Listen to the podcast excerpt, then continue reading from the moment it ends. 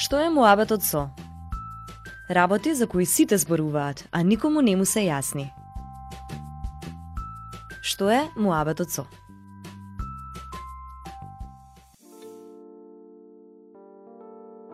Марија доаѓа од помал град, каде и не е така лесно да се најде работа. Со години работеше по кафе барови, за на крај да се поврзе со жена од агенција која посредува за работа во странство. Имаше само 25 години кога ја прифати понудата да работи како негователка на постара жена која е во количка и живее сама. Платата беше супер, а Марија пресрекна. Но приказната нема среќен крај. Незината посредничка и го одзеде пасошот под изговор да ја извади потребната документација. Не снема, а со тоа Марија не можеше да добие ниту плата. На крај, незадоволна си замена од работното место. Но каде?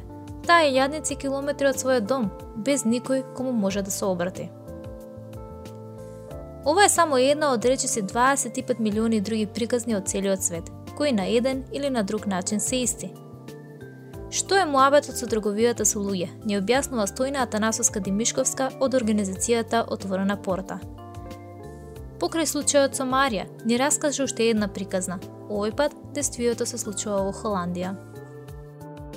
Таков случај имаше каде што 25 жени од Македонија аплицираа за работа на фарма во Печурки во Холандија и при тоа беа, беа жртви на трговија со луѓе, односно се она што им беше понудено кога аплицираја, на крајот се соочија со сосем друга реалност.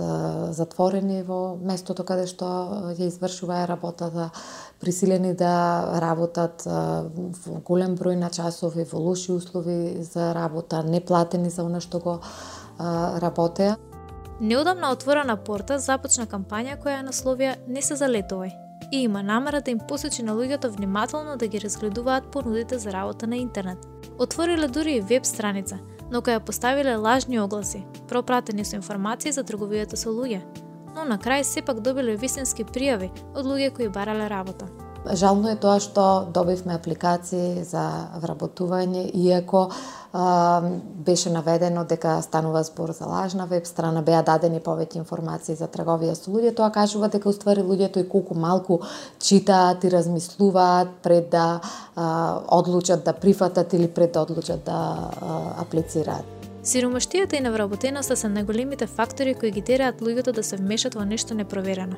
Пандемијата пак дополнително придонела за експлоатација на човечкиот труд, а за возврат на тоа работодавците се збогатуваат.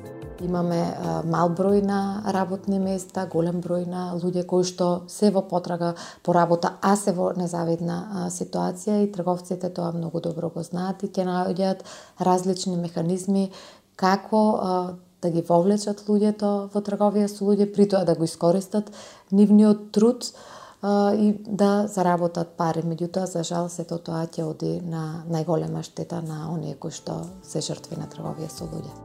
Една од најчестите форми е исто така и трговијата со деца на возраст од 13 до 17 години. Во поголемиот број случаи се девојчиња. Според Атанасовска Демишковска, измамените најчесто доаѓаат од дисфункционални семејства, каде постои насилство, зависности, сиромаштија.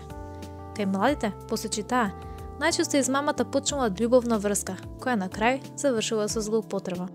Често се случува овие деца да бидат уценувани, заплашувани од страна на трговците преку снимање за време на тие сексуални односи и заплашување дека доколку не се согласат да го извршуваат тоа што од нив се бара, дека тие видеа ќе бидат подоцна искористени против нив или ќе бидат објавени во јавност, така што често децата знаат да бидат сериозно заплашувани и затоа и молчат и не, не кажуваат за тоа што им се случува. Отворена порта две децени работи со жртви на трговија со луѓе нудат прифатилиште, но и програма за ресоциализација во општеството. За Атанасовска Димишковска, најважна е превенцијата. Од нашето искуство низ годините работејќи со жртвите, процесот на опаровување на овие лица и повторно нормално враќање во животните текови е многу тежок, некогаш е успешен, меѓутоа за жал не е успешен. Ако видите дека тоа се само деца кои што судбината се поиграла со нивните животи, значи треба многу повеќе да вложиме во превентивните активности. Не само од аспект да зборуваме за трговија со луѓе, што е, како е, како се случува и како да се избегнат ризиците, туку исто така и да влијаеме врз причинителите. Се уште постојат граѓани кои мислат дека тоа нив не може да им се случи, дека е нешто далечно. Државните статистики годишно бележат околу 10 жртви, но според Атанасовска Димишковска, ова бројка е далеко од реалноста. Таа апелира, во случај некој да се најде во ситуација каде е жртва на трговија со луѓе, да се обрати на СОС линијата 0800 111 11. Што е муабетот со? Работи за кои сите зборуваат, а никому не му се јасни. Што е муабетот со?